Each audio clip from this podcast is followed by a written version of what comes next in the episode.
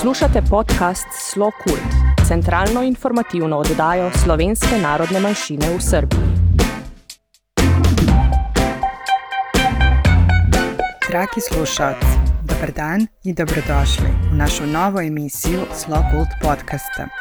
Centralno informativno emisijo namenjeno članovima slovenačke zajednice v Srbiji, slovencima po svetu i u Matici, kao i svim zainteresovanim za slovenačku kulturu i savremeno stvaralaštvo slovenačke zajednice u Srbiji. U emisijama ćemo se baviti aktuelnim temama u Srbiji i Sloveniji vezanim za kulturu, zatim najavama događaja, kao i razgovorima sa relevantnim osobama o aktualnim temama vezanim za Slovence u Srbiji, Matici i svetu. U ovoj emisiji čućete vesti o nedavno održanim izborima za nacionalne savete nacionalnih manjina u Srbiji, a potom slede i vesti iz kulture.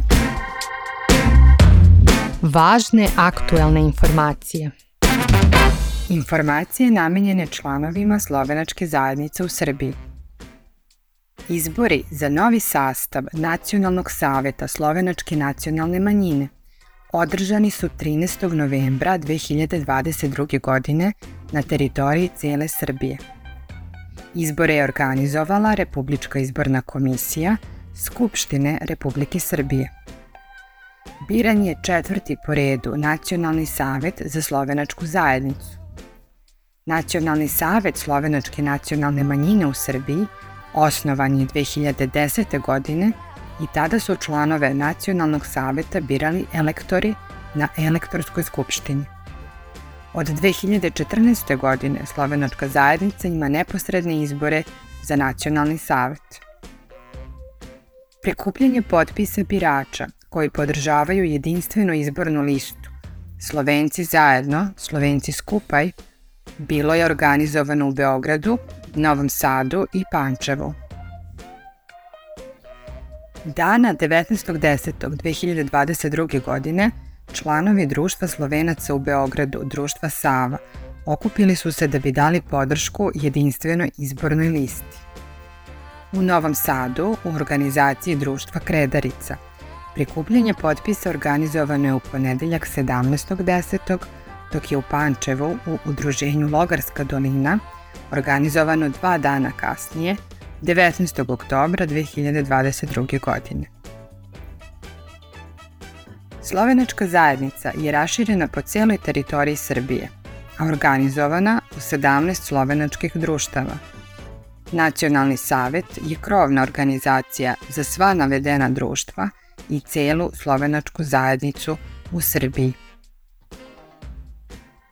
Izveštaj o ukupnim rezultatima izbora za članove Nacionalnog saveta Slovenačke nacionalne manjine, održanih 13. novembra 2022. godine, možete pogledati na sajtu Republičke izborne komisije, kao i na sajtu Nacionalnog saveta slovenci.rs. Svim članovima Nacionalnog saveta želimo srećan i uspešan rad u novom mandatu. Kultura Pozivamo vas na gostovanje Ljobe Jenče, slovenačke umetnice koja će se u okviru Svetovnih dana slovenačke književnosti predstaviti kroz dva događaja u Beogradu. To su koncert pod nazivom Slovenske junakinje in junaki u literaturi in ljudskem izročilu i radionica pod nazivom Kralj, Matjaži i Meo Ptico – Oba događaja biće održana u prostorijama Društva Sava. Pomenuti koncert se održava u sredu, 30. novembra 2022. godine sa početkom u 19 časova, dok je radionica rezervisana za četvrtak, 1. decembar 2022. godine sa početkom u 18.30 na istom mestu. Organizatori događaja su lektorat za slovenački jezik Filološkog fakulteta u Beogradu, Centar za slovenščino kod drugi intui jezik iz Ljubljane i Društvo Slovenaca u Beogradu, Društvo SAV.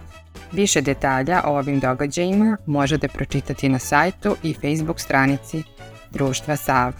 Sa zadovoljstvom najavljujemo osmu po redu reviju Dani slovenačkog filma u Beogradu.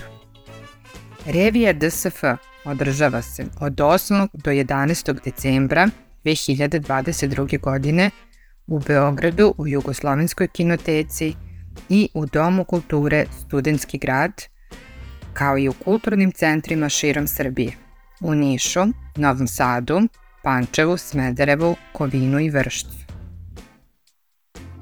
DSF Plus je prateći program dana slovenačkog filma koji uređuje i vodi Vladimir Šojot, a u okviru kojeg ćete vidjeti izbor kratkih i eksperimentalnih filmova iz aktuelne slovenačke produkcije. Mesto održavanja je Dom kulture Studentski grad, a termin 4. i 5. decembar 2022. godine.